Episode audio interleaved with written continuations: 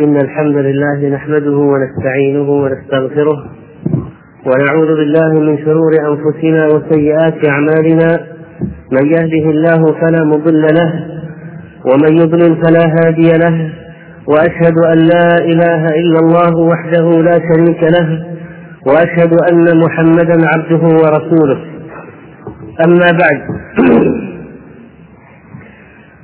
فقد مضت سنة الله في خلقه بعث الرسل عند خفاء الحق وظهور الضلال إعذارا وإنذارا لئلا يكون للناس على الله حجة بعد الرسل وكان الله عزيزا حكيما.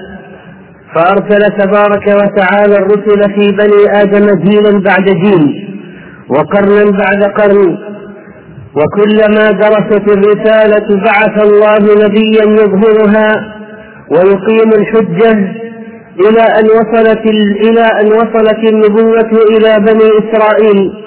فبعث الله فيهم عبده ورسوله الكريم ونبيه المقرب الكريم موسى بن عمران عليه الصلاة والسلام وأنزل عليه التوراة فيها هدى ونور يحكم بها النبيون الذين أسلموا للذين هادوا والربانيون والأحبار.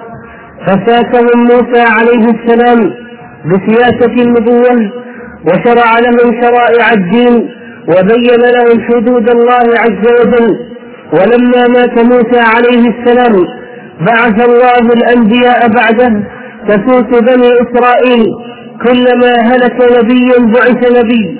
وهكذا بأحكام التوراة وحدث فيهم وحدثت فيهم الأحداث وتفرقوا في الدين. واتبعوا الأهواء وتعدوا حدود الله وغيروا دينه وقتلوا أنبياءه إلى أن كان آخر أنبيائهم الذين بعثهم الله فيهم عيسى بن مريم عليه السلام. ليجدد لهم الدين ويبين لهم عبادة رب العالمين. فبين المعالم ودعاهم إلى توحيد الله والتبري من الشرك وأهله. فلما رفع عيسى عليه السلام تفرق أتباعه بعده شيعا فمنهم من آمن به وبما بعث به وأنه عبد الله ورسوله وابن أمته ومنهم من غلا فيه وتجاوز به الحد إلى أن جعلوه إلها وربا. وقد حكى الله عن النصارى ثلاث مقالات في كتابه العزيز من مقالات الكفر فقال عز وجل لقد كفر الذين قالوا إن الله هو المسيح ابن مريم. وقال عز وجل لقد كفر الذين قالوا إن الله ثالث ثلاثة. وقال عز وجل وقالت النصارى المسيح ابن الله. فإذا قالوا هو الله وقالوا ابن الله وقالوا ثالث ثلاثة. وقد كان بعد عيسى عليه السلام تفرق كما قال النبي صلى الله عليه وسلم اشتركت النصارى على ثنتين وسبعين فرقة. كان من هؤلاء فرقة واحدة موحدة تؤمن بأن عيسى نبي من الله عز وجل وأن بقية الفرق فمشركة مبتدعة وقد قامت حروب بين الموحدين وبين هؤلاء المشركين وصبر بعض الموحدين حتى استحقوا رتبة الشهادة ولم يستطع البعض أن يقاتل فتفرقوا في الجبال وصاروا في الكهوف والأجرة مختفين بدينهم لأن من قاوم منهم حرق بالنيران ونشر بالمناشير وقطع وهكذا حصل بعد ذلك ضمور هؤلاء وقلتهم واختفاؤهم وتفشت فيهم الرهبانية كما قال تعالى ورهبانية ابتدعوها ما كتبناها عليهم ولبث أمر النصارى على ذلك قريبا من ثلاثمائة سنة كما ذكر المؤرخ ابن كثير رحمه الله حتى نبغ فيهم قسطنطين من ملوك اليونان فدخل في دين النصارى. قيل حيلة ليفسده وقيل جهلا منه فبدل وحرف وزاد ونقص وجعل لهم القوانين. المخالفة لدين المسيح. وصور لهم الصور وبنى لهم الكنائس والمعابد والصوامع. حتى أنه زاد على اثني عشر ألف معبد. وكذلك زاد في صيامهم عشرة أيام من أجل ذنب ارتكبه وهكذا حصل التبديل والتحريف الشنيع على يد هذا اليوناني. وانتقل وانتقل النصارى إلى عبادة الأصنام المجسدة. وانتقلوا من السجود وانتقلوا كذلك إلى السجود إلى جهة المشرق ودخلت فيهم عقيدة الحلول والاتحاد. وقالوا إن المسيح حل في الله. أو قالوا إنهما أو قالوا إنهما قد اتحدا معا في لاهوت وناسوت إلى آخر الكلام الفارغ الذي بانوا به وأشركوا مع الله عز وجل وظهرت فرقهم على ذلك وتشتتوا عن الحق والتوحيد وابتعدوا عنهما بعدا كبيرا وهكذا سبوا إلههم واتهموه بالنقائص ورموه بالعظائم وقالوا إن الله نزل من عرشه وكرسي عظمته ودخل في فرج امرأة تعالى الله عن قولهم علوا كبيرا. وأنه أقام في رحم تلك المرأة يتخبط بين البول والدم. قد علته أطباق المسيلة والرحم والبطن ثم خرج من حيث دخل رضيعا صغيرا يمس الثدي وينفس القمص والأقمشة. وأوجع السرير يبكي ويجوع ويعطش ويبول ويتغم ويتغوط ويحمل على الأيدي والعواتق.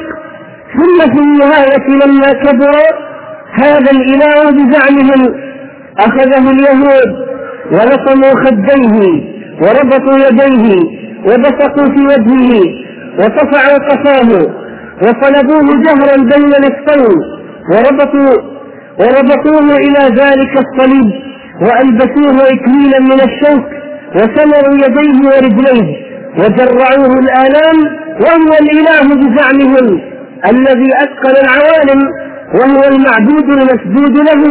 فلعمر الله إن سب النصارى لنبي الله تعالى سب ما سبه أحد من البشر.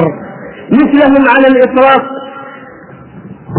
وقالوا لله ولد تعالى الله عن قولهم إنها دعوى تنشق لها الأرض وتخر الجبال هدا بعد أن تتشقق السماوات تكاد أن تنشق السماوات والأرض وتنهد الجبال لهذه الكرية. وقد قال ربنا عز وجل في الحديث القدسي شتمني ابن آدم وما ينبغي له ذلك وكذبني ابن آدم وما ينبغي له ذلك أما شتمه إياي فقوله اتخذ الله ولدا وأنا الأحد الصمد الذي لم ألد ولم أولد ولم يكن لي كفوا أحد وأما تكذيبه إياي فقوله لن يعيده كما بدانوا أي الذين ينكرون البعث وليس أول الخلق بأهون علي من إعادته.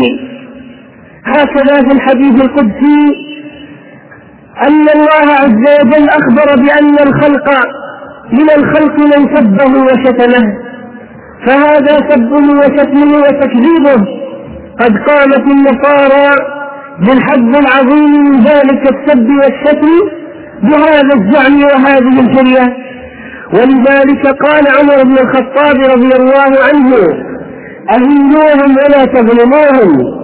فقد سب الله مسبة ما سبه إياها أحد من البشر. أهينوهم ولا تظلموهم. فلا تجعل النصراني رئيسا ولا تجعله مديرا ولا تعزه ولا توقره ولا تحترمه إطلاقا. كيف تفعل ذلك وهم سبوا إلهك؟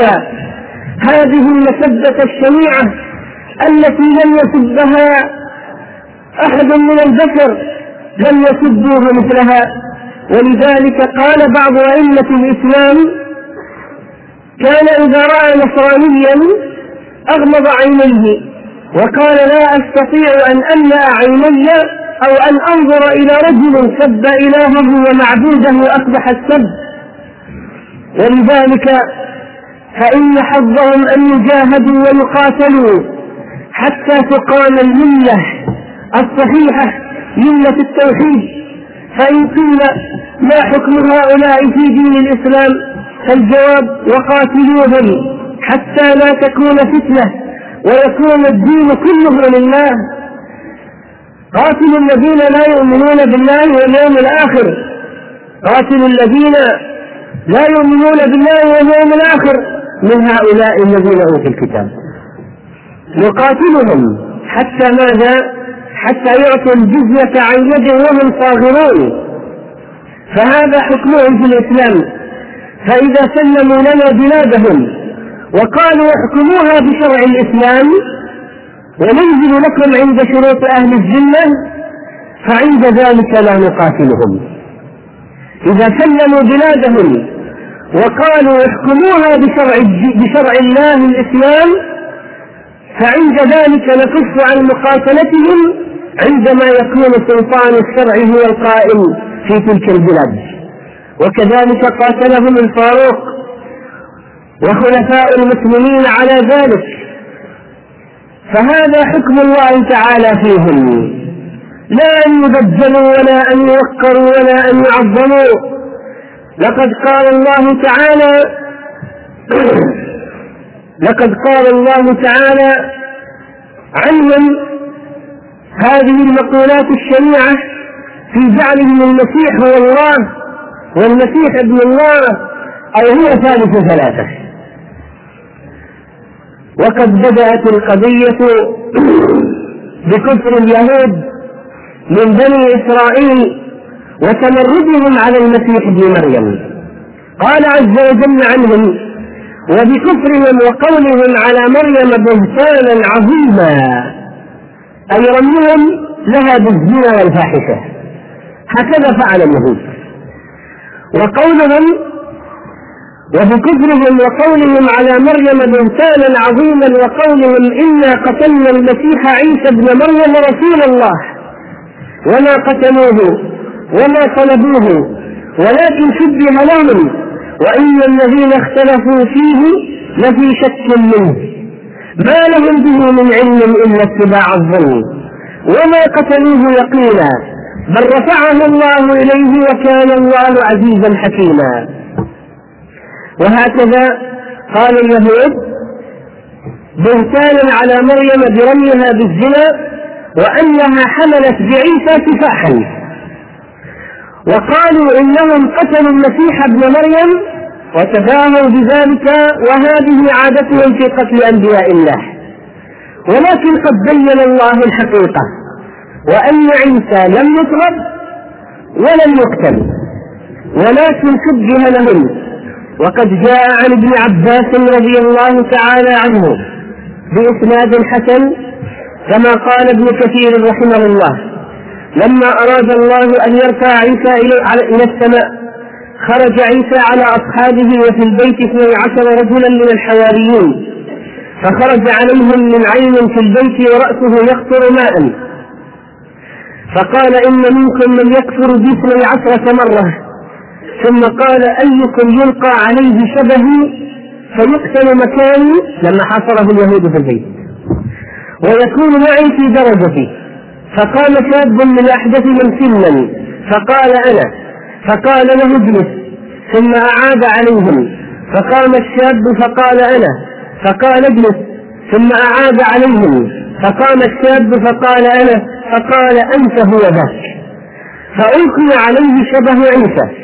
ورفع عيسى من روزنة في البيت من فتحة السقف إلى السماء. وجاء الطلب من اليهود فأخذوا الشبيه فقتلوه. ثم طلبوه وهذا معنى قول الله وما قتلوه أي عيسى وما طلبوه ولكن شبه لهم. فكفر به بعضهم اثني عشرة مرة بعد أن آمن به وافترقوا ثلاث فرق فقالت طائفة كان الله فينا ما شاء ثم صعد إلى السماء. وقالت فرقة هو ابن الله كان فينا ما شاء. وقالت فرقة هو عبد الله ورسوله وهم المسلمون. هذه خلاصة ما جاء عن ابن عباس رضي الله تعالى عنه. وقد أخبرنا ربنا عز وجل في كتابه وعلى لسان نبيه صلى الله عليه وسلم أن عيسى لم يمت وأنه محفوظ عند الله في السماء وأنه سينزل في آخر الزمان وأنه سينزل في آخر الزمان وأنه إذا نزل سيؤمن به من يؤمن من أهل الكتاب وإن من أهل الكتاب إلا ليؤمنن به قبل موته ويوم القيامة يكون عليهم شهيدا.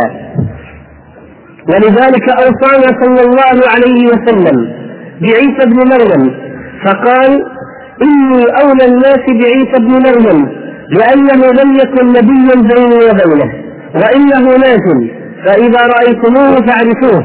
رجلا مربوعا إلى الحمرة والبياض. عليه ثوبان مخضران.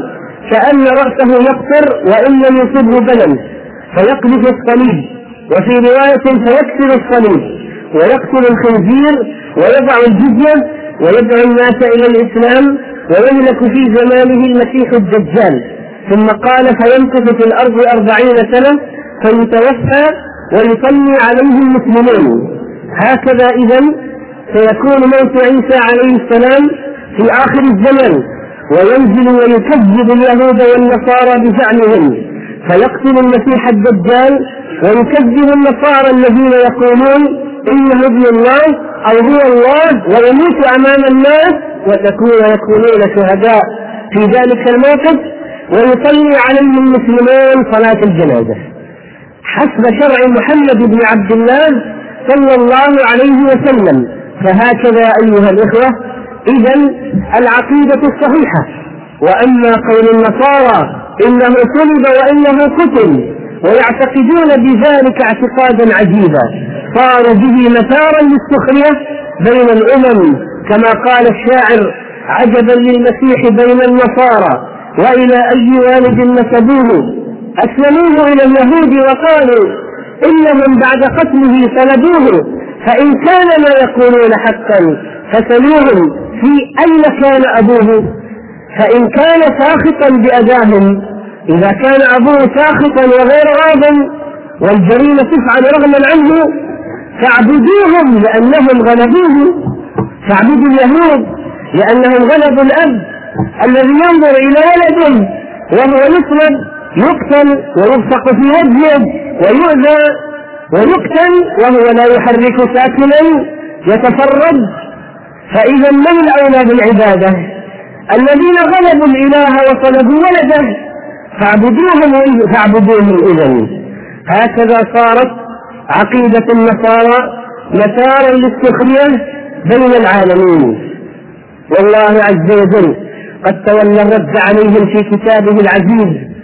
وفصل ذلك تفصيلا وبينه تبيينا إذ قالت الملائكة يا مريم إن الله يبشرك بكلمة منه اسمه المسيح عيسى ابن مريم. وجيه في الدنيا والآخرة ومن المقربين ويكلم الناس في المهدي وكان ومن الصالحين. قالت ربي أنا يكون لي ولد ولم يمسكني بشر؟ قال كذلك الله يخلق ما يشاء. إذا قضى أمرا فإنما يقول له كن فيكون. فكذلك إذا الله عز وجل يخلق ما يشاء سبحانه وتعالى. سبحانه وتعالى أن يكون له ولد. لم يستنكف المسيح أن يكون عبدا لله. وقال عز وجل عن عيسى بدلاء ووضوح إن هو إلا عبد أنعمنا عليه. وجعلناه مثلا لبني إسرائيل. إن مثل عيسى عند الله كمثل آدم خلقه من تراب ثم قال له كن فيكون. فالله خلق البشر على أربعة أنواع فخلق آدم عليه السلام من تراب من غير أب ولا أم. كن فكان. وخلق حواء من أب بلا أم فالآدم هو أبو البشرية بما فيهم حواء. خلقها الله من ضلع آدم. وخلق عيسى عليه السلام من أم بلا أب وخلق سائر البشر من الأم والأب من بين الأم والأب فتبارك الله أحسن الخالقين عز وجل. وهذا التنويع دال على قدرته في خلقه سبحانه وتعالى. فتعالى الله عما يشركون. ليس في خلق عيسى من أم بلا أب. ما يقتضي أن يفضل على إبراهيم. ولا على محمد صلى الله عليه وسلم. كما أن خلق حواء من غير أم لا يقتضي أن تكون أفضل من خديجة ولا مريم ولا فاطمة بنت محمد ولا عائشة رضي الله تعالى عنهم. ما المسيح ابن مريم؟ إلا رسول قد خلت من قبله الرسل وأمه صديقة عابدة. كان يأكلان الطعام انظر كيف نبين الآيات انظر كيف نبين لهم الآيات ثم انظر أنا يؤفكون ولذلك لا يجوز مجاوزة الحد برفع الأنبياء عن درجتهم. كما فعل هؤلاء اتخذوا أحبارهم ورهبانهم أربابا من دون الله والمسيح ابن مريم. اتخذوه ربا من دون الله. وما أمروا إلا ليعبدوا إلها واحدا. لا إله إلا هو سبحانه عما يشركون. يا أهل الكتاب لا تغلوا في دينكم ولا تقولوا على الله إني والمسيح عيسى ابن مريم رسول الله وكلمته. يا أهل الكتاب لا تغلوا في دينكم غير الحق ولا لا تتبعوا أهواء قوم قد ضلوا من قبل وضلوا كثيرا وضلوا عن سواء السبيل. لا تغلوا فيه. فتخرجوه من حيز النبوة إلى الإلهية. لا تغلوا فيه. فتخرجوه من كونه عبدا إلى إلى أن تزعموا أنه ابن لله أو أنه ثالث ثلاثة ولقد كان نبينا صلى الله عليه وسلم حريصا كل الحرص أن لا تقع أمته في هذا الغلو. فكان يقول لا تطروني كما أطرت النصارى ابن مريم. عيسى ابن مريم. فإنما أنا عبد الله ورسوله. فإنما أنا عبد فقولوا عبد الله ورسوله. فهكذا إذا عيسى كلمة الله ألقاها إلى مريم. كيف ألقاها؟ بعث جبريل لينفخ في جيب درعها وهو مدخل الثوب من جهة الرقبة والرأس. فجبريل نفخ في فتحة هذا الثوب لمريم. فنزلت النفخة إلى الفرج فولدت فيه بإذن الله فحملت. فحملت فكانت تلك النفخة بمثابة النفخة. حملت كرامة من الله لعيسى عليه السلام وكلمته ألقاها إلى مريم وروح منه. فعيسى إذا عيسى إذا مخلوق بالكلمة. كما قال بعض العلماء في عبارة دقيقة ليست الكلمة صارت عيسى ولكن بالكلمة صار عيسى. الكلمة كل وكلام الله صفة له عز وجل فكلامه غير مخلوق. وعندما يقول الله كن فكلمة كن غير مخلوقة لأنها من صفاته. فعيسى إذا عيسى إذا مخلوق بالكلمة. كما قال بعض العلماء في عبارة دقيقة ليست الكلمة صارت عيسى ولكن بالكلمة صار عيسى. الكلمة كن وكلام الله صفة له عز وجل فكلامه غير مخلوق. وعندما يقول الله كن فكلمة كن غير مخلوقة لأنها من صفاته. لكن ما نتج عن الكلمة من إيجاد عيسى. هذا الإيجاد هو مخلوق. عيسى هو المخلوق بالكلمة. فليست الكلمة هي عيسى. ولكن عيسى صار بالكلمة. ومن فهم ذلك لم تلتبس عليه. هذه الأكاذيب التي تروجها مونت كارلو وغيرها من الإذاعات التبشيرية ولا هذه النشرات التي تأتي في صناديق البريد. يا عباد الله إنما عمره إذا أراد شيئا أن يقول له كن فيكون. فإن قال قائل فما معنى إذا وروح منه فالجواب إن من ليست للتبعيض ليس عيسى جزء من الله. ليس عيسى جزءا من الله أبدا. تعالى الله عن ذلك. وإنما من هنا لابتداء الغاية كما قال العلماء أي أنه من الله لا من غيره.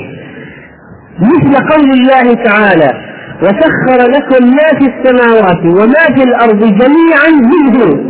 فهل السماوات والأرض جزء من الله أبدا ولكنها منة من الله خلق من الله خلقها جاء من الله لا من غيره. وهكذا عيسى روح من الأرواح التي خلقها الله. من أين؟ مصدرها من خلق الله تعالى. مما خلقه عز وجل. فهذه الروح صادرة من خلق الله ولم تصدر من غيره عز وجل. إذا عندما نقول عن عيسى روح الله فهذه الإضافة إضافة تشريف. كما نقول عن الكعبة بيت الله وليس البيت جزءا من الله. وكما نقول عن ناقة صالح ناقة الله. إضافة تشريف وليست الناقة جزءا من الله. وعندما نقول عن عيسى روح الله فهذه إضافة تشريف كما تقول نبي الله وليس جزءا من الله عز وجل. وبذلك تعلم أنهم قد كفروا بالله عز وجل. ولا تعلق لهم ولا تكون لهم بينة صحيحة أبدا.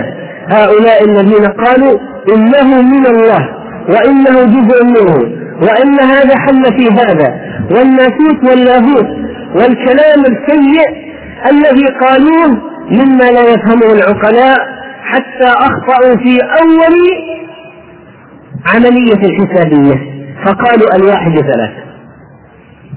ومتى كان الواحد ثلاثة؟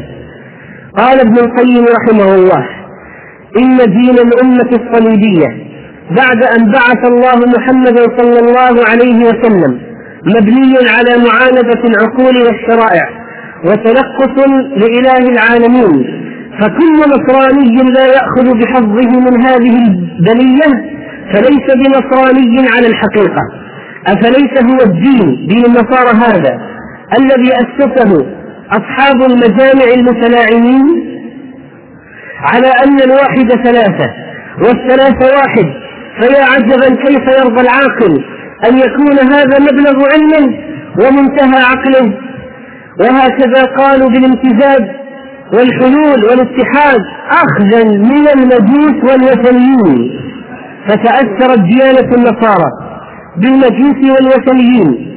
وكذلك وكذلك تأثروا بعباد الكواكب عندما توجهوا بصلاتهم جهة المشرق.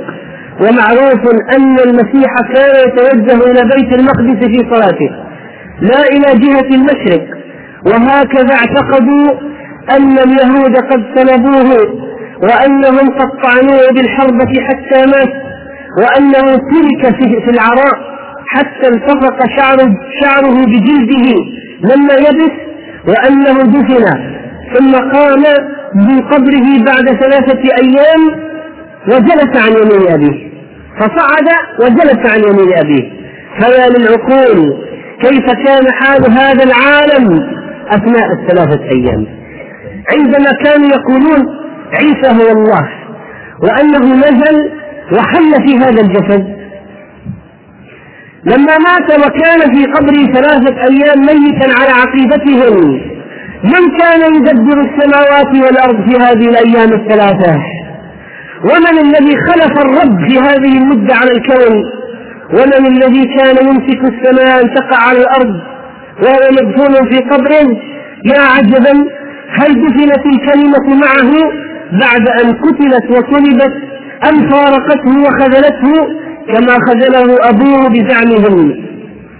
أعباد المسيح أعباد المسيح لنا سؤال نريد جوابه ممن وعاه. إذا مات الإله بفعل قوم أماتوه فما هذا الإله؟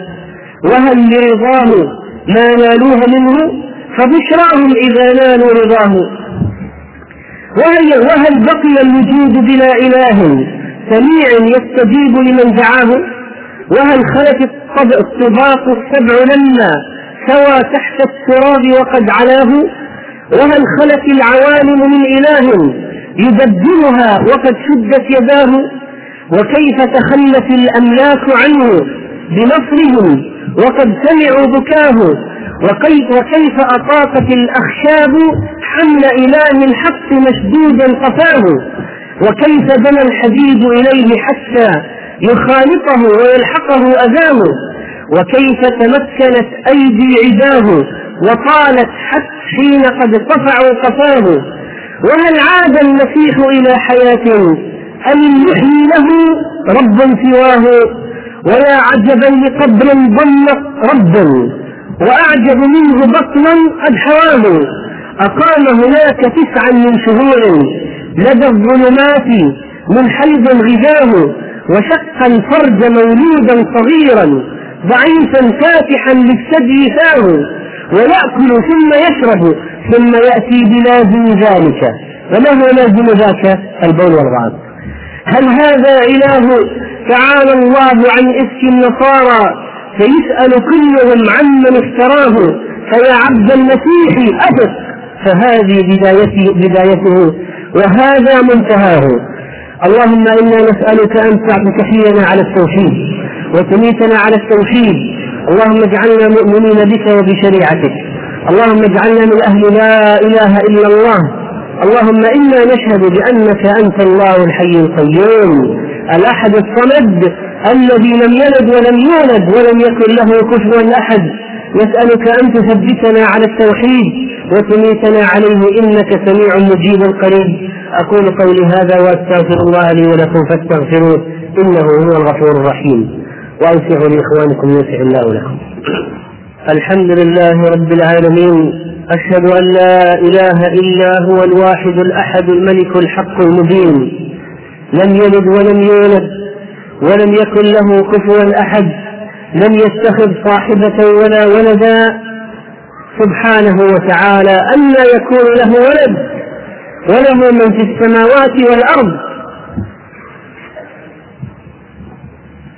فلا يحتاج إلى ولد كما يحتاج الواحد منا. ولو كان الواحد منا عقيما لكان عيبا ولكن لله عز وجل وفي حقه سبحانه وتعالى هذا كمال. لم يلد ولم يولد ولم يكن له كفوا أحد. وأشهد أن محمدا رسول الله صلى الله عليه وعلى عيسى عليهما السلام وعلى أصحابهما وحواريهما إلى يوم الدين. فنقول إذا لهؤلاء النصارى الكفرة إذا كنتم تقولون عيسى هو الله فمن الذي كان يدبر العالم عندما كان ميتا في قبره ثلاثة أيام. وإذا كنتم تقولون عيسى ابن الله فما هذه العاطفة والشفقة والحنان من أب يتفرج على ولده يصلب ويقتل ويبصق في وجهه ويهان ويوضع الشوك ويغرز في جلد رأسه ثم يتفرج عليه دون أن ينصره إنكم لا ترضون لأحدكم أن يفعل هذا بولده. ثم تقولونه في حق الله واعلموا أيها الإخوة أن الله عز وجل قد أغرى بينهم العداوة والبغضاء إلى يوم القيامة كما ذكر في كتابه. فلا يزالون متنافرين فيما بينهم. هؤلاء بروتستانت وهؤلاء كاثوليك وهؤلاء ارثوذكس وهؤلاء وهؤلاء وبينهم خلافات شديدة.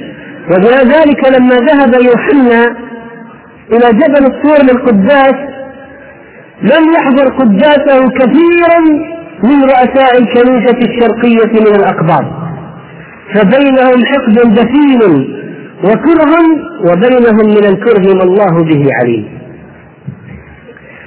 وهكذا أعيادهم تختلف وتتفاوت ما بين الكنيسة الشرقية والغربية.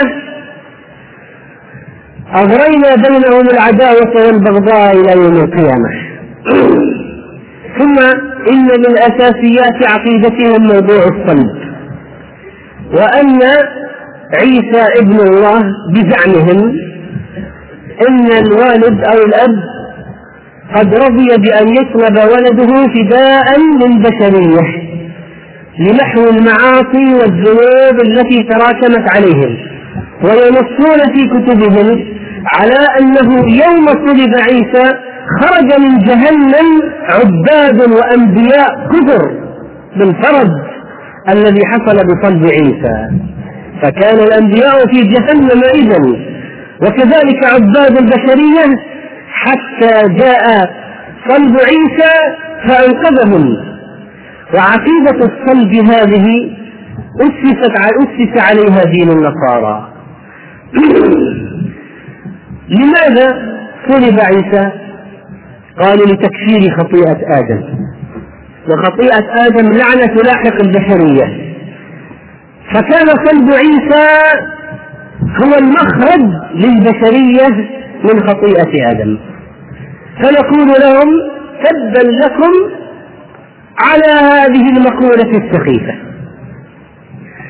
ألم يتب الله على آدم؟ ثم اجتباه ربه فتاب عليه وهدى فبعد أن تاب عليه وغفر له ذنبه واجتباه وهداه ما الحاجة إلى صلب عيسى من أجله إذا؟ وكذلك فنقول نقول أيضا أيها أسوأ وأعظم أكل آدم من الشجرة أو قتل ولد آدم لأخيه. أيها أعظم أكل آدم من الشجرة أو شرك قوم نوح الشرك الأكبر الذي كفروا بالله عز وجل فيه وأشركوا معه. ثم تأتون وتقولون كان الصلب لأجل خطيئة آدم. ولا تقولون لأجل شرك قوم نوح ولا كفر البشرية من بعدهم. ولا من أجل قتل ابن آدم لأخيه مع أنه أعظم. ثم كذلك صلب المسيح عندهم كفارة لخطايا البشرية.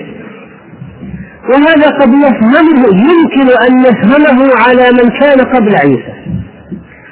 فمن كان بعد عيسى إذا كان ذنبه مكفرا وتأمل يا أخي في هذه المسألة وفكر فيها إذا كان النصراني يعتقد أن صلب عيسى كفارة لذنوبه هو الآن الذي يعيش الآن فما الذي يمنعه إذا من السرقة والرشوة والقتل والظلم والبغي والاعتداء؟ وهو يعتقد أن ذنوبه مكفرة بصلب عيسى. ولذلك لا يتورعون عن المعاصي ما دامت الخطايا مكفرة. أيها المسلمون تأملوا في هذه العقيدة الزائفة وما الذي أبقى البشرية في جحيم من آدم إلى عيسى حتى يحل وقت التكفير ويأتي الفرج. ثم هل من العدل أن يعاقب الإنسان بغير ذنبه؟ قالوا خطيئة آدم لحقت البشرية بلعنتها كل البشرية. وقد قال الله ولا تزر وازرة وزر أخرى. فما ذنب البشرية بخطيئة آدم ولماذا تعممونها على جميع البشر من بعده؟ ثم ما ذنب الولد الذي زعمتموه عيسى حتى يؤذى ويهان ويصلب ويقتل من أجل خطيئة لم يقترفها وإنما اقترفها آدم.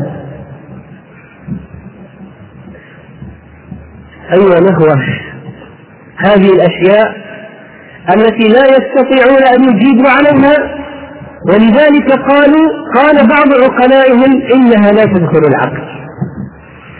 لا يؤمنون بها. فإذا عرفت يا عبد الله أن هذه عقيدتهم فماذا يجب نحوهم؟ الكره والبغض ولا شك. ولذلك من لم يكفر النصارى فهو كافر. ومن لم يبغض النصارى فهو كافر لأن من أساسيات دين الإسلام الحب في الله والبغض في الله. وقد قال إبراهيم بدا بيننا وبينكم العداوة والبغضاء أبدا حتى تؤمنوا بالله وحده. فما حكم إذا إجلالهم؟ وما حكم من قال إن على البابا يحلى نورا؟ هذا إما غبي لا يستطيع أن يفرق بين نور الإيمان وبين فلاشات العدسات وأضواء الكاميرات. وإما أن يكون إنسانا سمك الله بصيرته فلا يرى ظلمة الشرك والكفر على وجه كبيرهم. والله من تأمل وجهه عرف أن عليه من ظلمة الشرك والكفر أطباقا. وبعض المسلمين اليوم يغترون بهذه الهيلمة التي أحاط بها الكفار بإعلانهم باباهم المزعوم رأس الشرك والكفر في الأرض. ما هو الواجب نحوه البغض والكره والنفرة وتمني زواله في هذه اللحظة قبل ما بعدها. لأنه أن يزول رئيس للشرك في الأرض نعمة عظيمة تستحق سجود الشكر. فكان هذا البيان وهذا التوضيح لعقيدة هؤلاء المشركين من أجل أن يعلم كل مسلم ما هو الموقف الشرعي تجاه النصارى. وماذا يجب أن يشعر نحوهم؟ اللهم إنا نسألك أن تذلهم عاجلا غير آجل.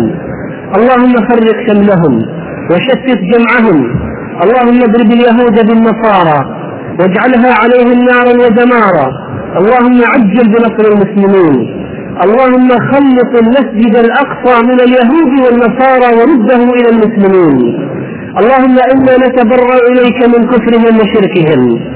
اللهم إنا نتبرا إليك من مقالة وحدة الأديان وتقارب الأديان. ونشهدك أن لنا ديننا ولهم دينهم ولا تقارب بيننا وبينهم وأنهم كفار. ندين بذلك الله عز وجل ونعتقد بأنه لا سبيل إلى سلام بيننا وبينهم ولا إلى تعايش.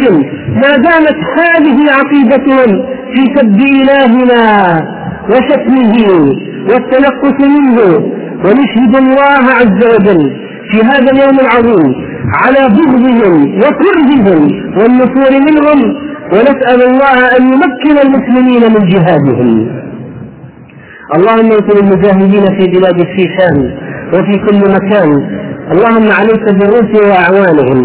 اللهم عليك بالروس ومن والاهم. اللهم اجعل هزيمتهم قريبة اللهم شتت شملهم وفرق جمعهم. واجعل دائرة السوء عليهم. اللهم احفظ بلادنا وبلاد المسلمين من كل سوء. اللهم من أراد بلادنا هذا ووطننا وأوطان المسلمين بسوء فاجعل كيده في نحره. اللهم إنا نسألك العفو والعافية في الدنيا والآخرة. اللهم إنا نسألك العفو والعافية في ديننا ودنيانا وأهلنا وأموالنا. استر عوراتنا وآمن روعاتنا واحفظنا أجمعين. أنت خير حافظا وأنت أرحم الراحمين. اللهم آمنا في الأوطان والدور وأرشد الائمه وولاة الأمور. واغفر لنا يا عزيز يا غفور.